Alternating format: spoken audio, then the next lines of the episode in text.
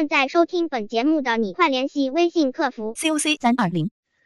Hello，大家好啊、都在吗？都在吗？然后今天我们就来开始学习第二课啊，然后也是静态学习的第一课，就是巨人思维。啊，然后前面周一的时候我们讲了二元学习法，然后我们先简短的复习一下，就是学习呢是分为两个部分的啊，静态和动态，就这两个是缺一不可的。前面有个小伙伴说的是。啊，不是密不可分，而是绝不可分。我觉得这句话说的很精彩啊，就是动态和和静态一定要有，就是两者是缺一不可的。但是呢，就是看起来是一个很简单的道理，但是很多人都不懂这个道理，所以呢，呃，就出现了两种极端的人群，就是有一种呢，就是不喜欢看书啊，但是就是只喜欢实践的人啊。另外一种呢，就是只喜欢看书，但是害怕实践，就是很不喜欢实践。这两种它都是很不好的呀，就是呃，实践派呢，就是成长会非常缓慢，然后理论派呢，他经常容易误入歧途。所以如果你要成为一个很厉害的人，就是你要做好静态学习，同时也要做好动态学习，这两个就是都要做好。那如何做好静态学习呢？啊、我觉得很简单，我就归纳为两步，就市面上有很多课程讲了很多一大堆，然后一点两点一分到十几点，我觉得没没那么复杂，就两步就可以把静态学习做好。第一步就是找到巨人，然后第二步呢就是学习巨人。今天我们就来学习静态学习的第一步，巨人思维啊。呃，但是在这个如何找巨人呢？我前两天在群里面看见大家分享的那个 B 站的超级搜索术，呃，突然觉得有点小巫见大巫了啊、但是没关系啊，就是我们讲的是一个学习体系嘛，我们是从学习方法上面去讲这个巨人思维的，啊、重点呢是告诉大家巨人思维在学习中的分量，就是它的好处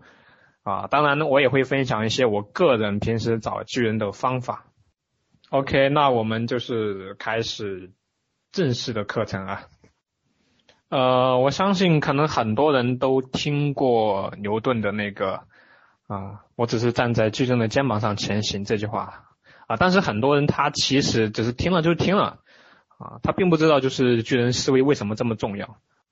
呃，重要到我要单独拿一节课出来讲，而且还要把它放在知识树的前面来讲。我知道可能很多人已经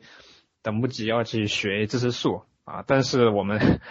再等一等，就是先学习巨人思维。巨人思维应该是在知识树的前面，就是我们应该先找巨人啊，再去学习巨人。我总结了巨人思维有四个你无法拒绝的理由。我们的牛顿大大说啊，就是我不过是站在巨人的肩膀上前行啊。然后我们今天也来站在牛顿的肩膀上，然后把这个习惯呢变成我们自己一生的习惯，就真的是要把它养成一个习惯，而且是一生的习惯。很多人可能觉得啊，这个东西你早就懂了，或者早就知道了啊，但其实真的懂吗？我觉得未必啊，就是我们大多数人其实都没有这个习惯。我所看到的现象是，就大多数人他的学习都是被动学习啊，比如说。啊，公众号推了一篇文章啊，他就立马去看那篇文章，或者是在知乎啊刷到一篇感兴趣的文章，就去看一篇文章啊，或者是有人说，哎，某某某书还不错啊，或者是某某个网课还可以啊，也就就跑去看一下。就是如果你反思一下，或者是你回顾一下，你会发现，我们大多数时间都是在被动学习，就不是严格的按照啊先去找巨人，然后学习巨人啊这个原则在学习，都是。啊，被那些推送啊推送过来就看一下。也就是说呢，其实，在我们过去的日子里面啊，就是我们学到的，我觉得大多数可能百分之九十以上的知识都不是巨人的知识，而是啊巨人的二手知识的二手知识的二手知识。这就会导致一个很大的问题啊，就是因为每个人他的理解不同，他的知识结构不同，所以。啊、一个传一个传到你这里就会变得非常的碎片化，然后很有可能被断章取义，甚至有可能会被误解。呃，很多人应该都看过一个节目吧？呃，我小时候看的，我不知道，呃，是具体哪个节目？好像是应该是王牌对王牌吧。然后那个有有个游戏啊，就是主持人他告诉了第一个人一个东西啊，可能是一句话，可能或者是一个物品。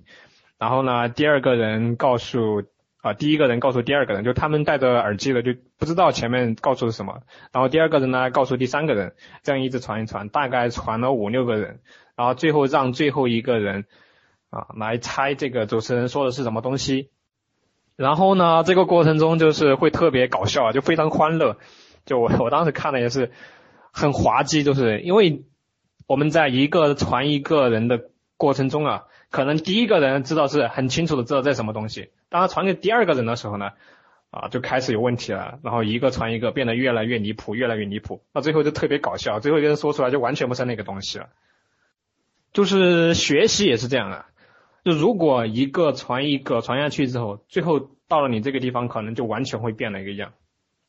因为我觉得有两个原因啊，第一就是当这个巨人的知识呃通过一个一个人传到你这里之后呢。知识会从系统，然后变得非常的碎片化。第二呢，就是在这个知识被不断的传的过程中啊，它会不断的被断章取义，啊，甚至被误传，最后传到你这里，可能就变得面目全非。啊，我们从小应该都听过爱迪生的那句话，应该，我觉得大多数人都应该都听过吧，就是天才是百分之一的灵感，然后再加上百分之九十九的汗水。啊，我们小时候因为这句话就是深受鼓舞，觉得只要努力了就可以成功。啊，结果后来有人出来辟谣说呢，其实这句话被断章取义了，就后面还有一句话。啊，他们有人说是爱迪生还说了一句话。啊，但是那百分之一的灵感最重要，甚至比那百分之九十九的汗水还要重要。你看这个就很可怕，就是被断章取义了，就后面一句话加上去就意思完全变个样。呃，甚至还有更搞笑的，就是。有人说这句话是爱因斯坦说的，我我当时真的很服了，真的。然后你听到后面一句话，你是不是傻？就是好像信了一辈子的话，结果别人告诉你啊，这句话被误传了。但是我再告诉你一个毁三观的事情啊，就是后面这句话可能才是谣言。呃，有有一个网叫果客网啊，它的那个有个叫谣言粉碎机的东西，然后他们去找了那些英文的原文，然后以及相关的资料。啊，最后发现就是爱迪生其实他并没有说这句话，就哦不对，并没有说后面半句话，所以可能我们又又被就是被误导了，就是很可怕，对不对？就是你想一想，好像我们听了很多话，我们完全无法揣测那句话到底是真的还是假的。而且你想啊，就是这只是一句话而已，想一想我们啊那些巨人的著作啊那么多知识，然后被。一个传一个传下来，那个得多荒谬啊！就很多可能完全是错误的。我们再举一个例子吧，就是那个费曼学习法。那网络上呢，有人一直在传一个叫做学习金字塔的东西啊，就是下面这一张图。然后呢，很多人看到这张图啊，觉得很牛逼啊，突然好像找到了学习的本质啊啊，什么主动学习、被动学习，什么学习的比例啊等等。我之前也是相信这个东西的，后来有读者跟我留言说啊，这个东西可能根本就没有，有可能是被误传了，然后呢就把我吓一跳，就我立马就跑去百度啊，就发现真的是，呃，跟这位读者说的一样，就这个学习金字塔并没有被真正核实出自那个美国缅因州的国家训练实验室，就是因为没有人没有人能够证明看到过这一份研究报告报告。而且网上也找不出来相关的研究论文啊，所以就百度后面就标注了说啊，这个学习金字塔可能是真的有可能是被误传的，就很可怕，你知道吗？就这一张图，然后被传的大众皆知，结果它有可能就是被误传的，根本没有这个东西。就是想一想，我们平时被动的接受了接受了多少这样的知识？我们在头条、知乎、公众号等等的平台。就看了多少这样的文章啊？有可能全部都是错误的。这些文章呢，就不但是碎片，而且很多是错误的。所以，那些真正厉害的人呢，他们都懂得一个道理，就学习的时候，你要从源头去学习，找到那个真正的巨人。啊，其次呢，第二个理由就是我曾经在那个二元学习法里面讲到，就是巨人呢可以让你少走很多弯路啊，而且能够极大的缩短你努力的时间。呃，我用一张图来展示，就是这样的。呃，大大家忽略这张图，就是它的画工啊，呃，本人水平有限，只能画成这个样子。然后看这张图，就是有一个小人，假设一个小人，他现在要去那个旗帜那个地方啊，但是呢，这可能中间很多路途比较崎岖，他要绕各种各样的路啊，然后走的时间也很长啊，而且还有可能走错路，有可能去不到那个地方。然后当他站在巨人的肩膀上呢，就是这样的，就是他站在那个肩膀上之后呢，因为那个巨人他看得远嘛，就站得比较高，看得远，所以他一下子就知道那个目的地在什么地方，所以而且腿比较长啊，就是一下子就就帮你跨过去。这一点呢，我们在第一课的时候啊，就是也是着重强调，就如果我们不学习巨人，就完全靠自己的经验啊去做的话，会出现三个很大很大的问题。第一个问题呢，就是我们会走很多弯路啊，就是因为每个坑你都要去趟一遍嘛，啊，甚至可能要趟几遍。第二个问题呢，就是成功的速度会非常的慢啊，因为大多数人就他是靠经验的嘛，所以他的成功可能是通过大量的经验堆积出来的，所以都是比较大器晚成啊。就是你这样你就能解释为什么那些很多人大器晚成，而有的人呢，可能刚刚大学毕业就变得非常厉害，非常牛逼。第三点呢，就是天花板会非常明显，因为他靠自己的能力呢很有限，啊，我就总结成一句话，就是你成功的边界就是你认知的边界，呃，然后有一句话啊，非常精彩的话啊，送给大家，是定位中的，就有一本书叫定位啊，啊，它里面说了一句话非常精彩，就是他说你要明白，任何问题都不是孤立存在的，一定。有人曾经遇到过啊，并且已经有更好的解决办法了，只是我还不知道而已啊！我不应该在黑暗中独自前行，去重新发明轮子。就也许我，有也许我的顿悟只是别人的基本功，所以我应该站在巨人的肩膀上，学习更成熟的经验和方法，然后再来解决这个问题。然后呢，第三个理由就是针对这个知识树学习方法本身的。啊，因为巨人的框架比较完善，然后非常成体系，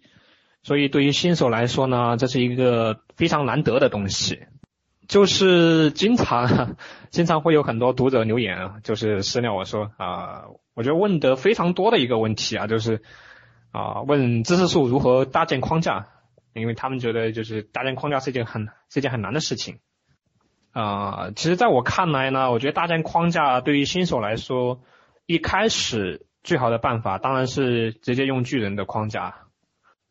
当然，等你可能后期做了主题阅读，然后看到很多其他的框架，或者是你慢慢有了自己的感悟，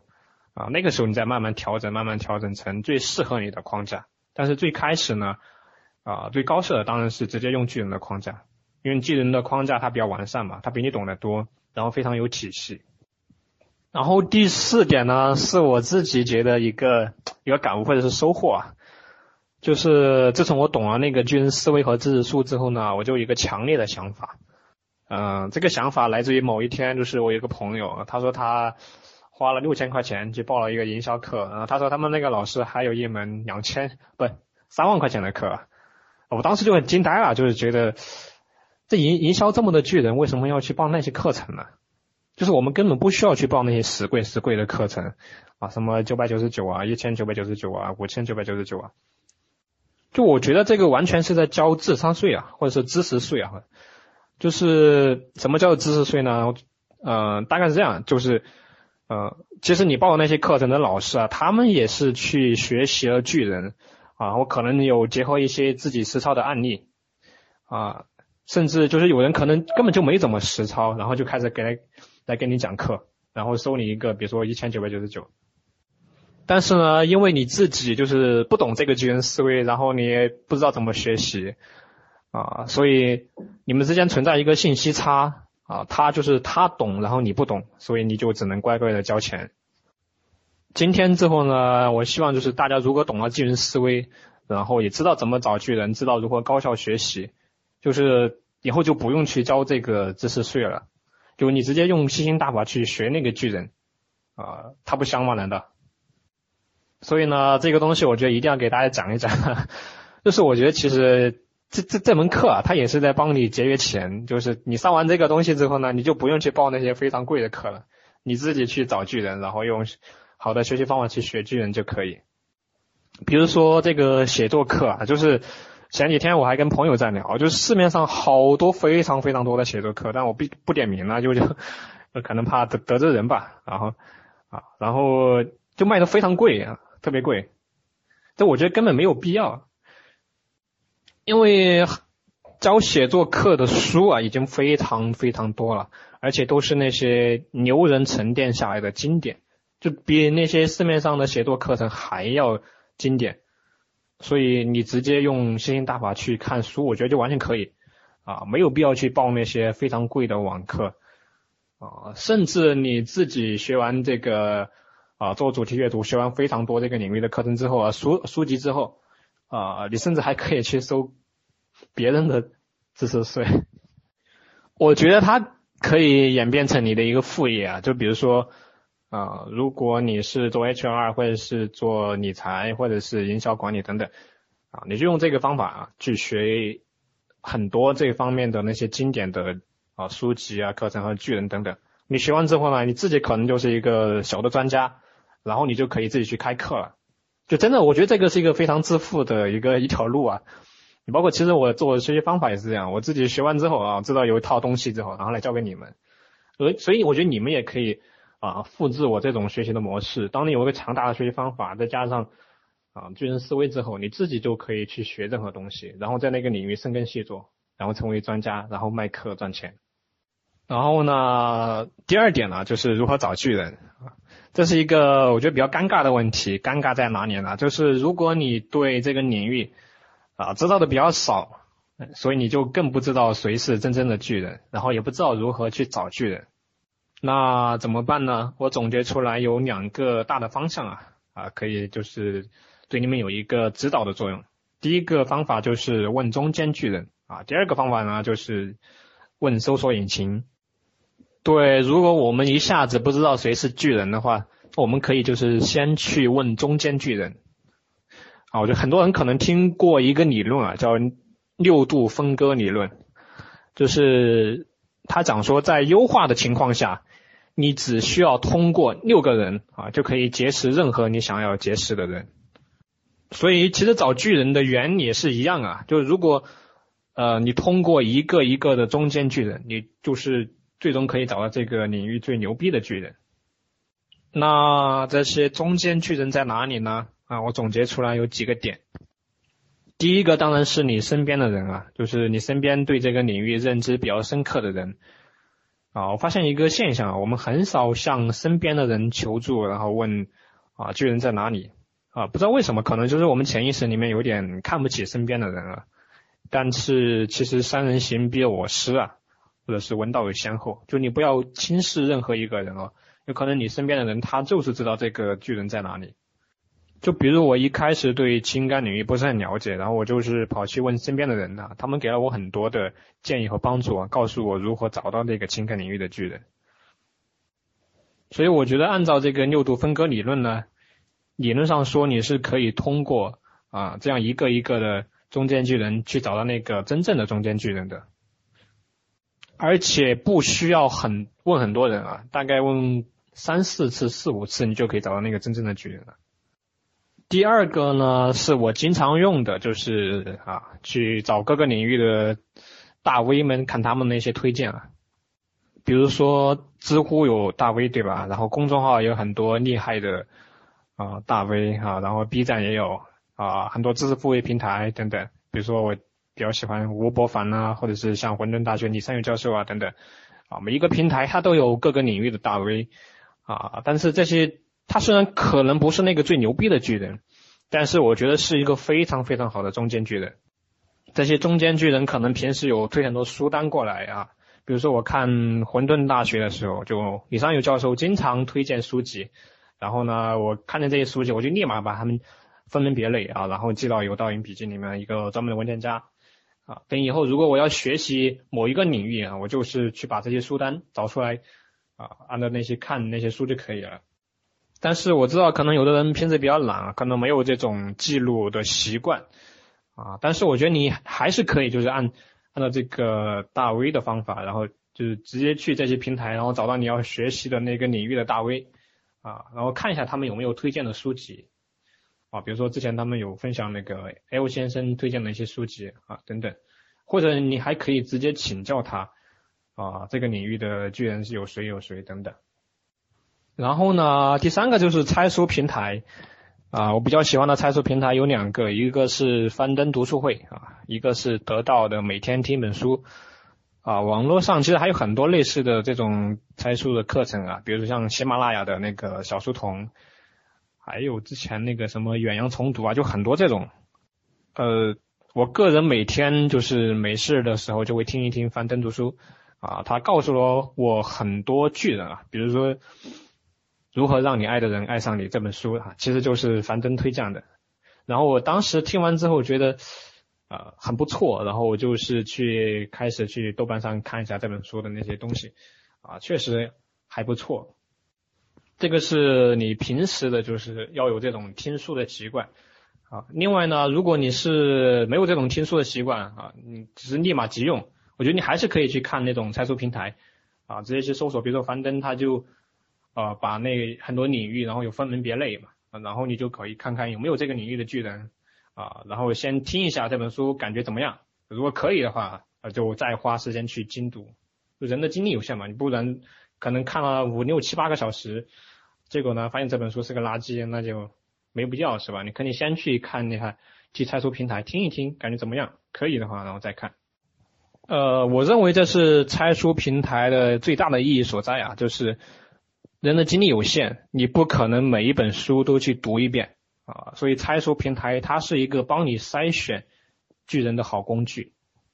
然后呢，这三点就是我个人问中间巨人的一个啊经验吧，好分享给大家。第二个呢，就是问搜索引擎啊，这个时代好像多了一门一门课程或者是一门能力。我们在大学的时候就学那个信息检索这种课程。啊，但是说来惭愧，信息检索并不是我的专长。啊，因为我一般就是直接用中间巨人这种形式啊，我平时比较看书比较多。啊，所以呢，基本上不太用检索的功能就能够满足我找巨人了，所以呢，这个检索能力并没有成为我特别需要的能力，所以接触的不是很多。啊，但是不用担心啊，我记得前两天大。呃，大家在群里分享的那个叫什么？呃，B 站的超级搜索术啊，大家可以下课后去搜索一下啊。我觉得那个应该是真正的巨人，所以肯定讲的比我好，所以我这里面就不想讲，然后讲一点点我觉得最重要的几个基础吧。首先，我觉得最重要的一个点就是搜索的时候要明白啊，就是关键词是整个搜索的核心。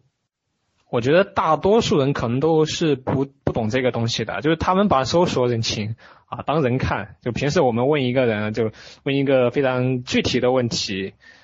啊，当我们在搜索的时候呢，我们也会把这种习惯带入进去啊，就会问一句完整的句子。但是搜索引擎它真正的功能不是回答，而是一个关键词的匹配。所以呢，检索的第一步就是你要确定关键词，然后这个关键词呢越精准越好，然后越多越好，啊，比如说我们这一次呃情感领域的关键词，然后大家去搜索的时候呢，可能精准度从强到弱的话，我排了一个顺序，大概是这样子。而且呢，除了这个精准度啊，就还有一个非常重要，就是你不要懒，你要多试几个关键词啊，这样你得到的东西才会更加的全面。然后我说一下我经常可能比较常用的搜索引擎啊，呃，我最喜欢的其实还是知乎啊，因为知乎搜出来的那些东西质量还是很高的，然后又很方便啊。其次呢，就是微信的那个搜一搜的功能啊，微信搜一搜的功能也是非常好的，因为呃微微信公众号的质量还是蛮高的，所以搜出来的东西呢还是比较好。然后还有就是豆瓣啊，豆瓣也是可以的，用来搜索那些书籍啊是非常棒的。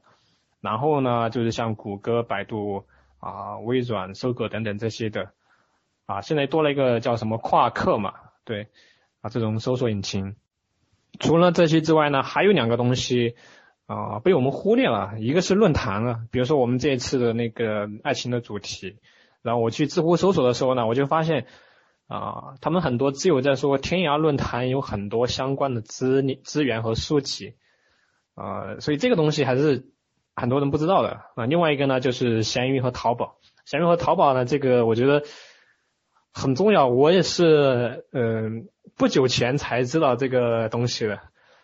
就是如果你要买什么网课呀，那些很贵的网课，什么成百上千的那些网课，你都可以去闲鱼、淘宝先看一看。啊，有没有更加廉价的课程？如果有廉价的课程呢，就不用报那么贵的课程。啊，当然了，这个有又涉及到那种，就是就是你要去支持那个作者的话，当然是买正版更好。但如果你很穷的话，啊，也可以先看一下这个课程嘛。然后呢，再跟大家分享一个好东西啊，叫做 Z 图书馆。这个呃，这个网站呢，基本上就是你想找任何书，基本上都能找到啊，比什么。微信读书啊，那些啊，那个叫什么网易蜗牛啊等等那些书啊都要全，就基本上你在那个上面找不到的书，还有什么藏书馆啊找不到的书，你都可以在这这个上面能够找到。OK，然后关于搜索引擎的话，我就分享这两点啊。如果大家还想深入学习的话，我觉得可以直接去那个 B 站啊，直接搜索超级搜索术，那个上面应该是讲的非常的详细和精彩了。然后呢，这里我就不多讲。然后我们今天的课程呢，还有一个讨论啊，这个讨论我们就在交流群里面分享一下，就是你平时是怎么找巨人的啊？然后有哪些好的检索的方法？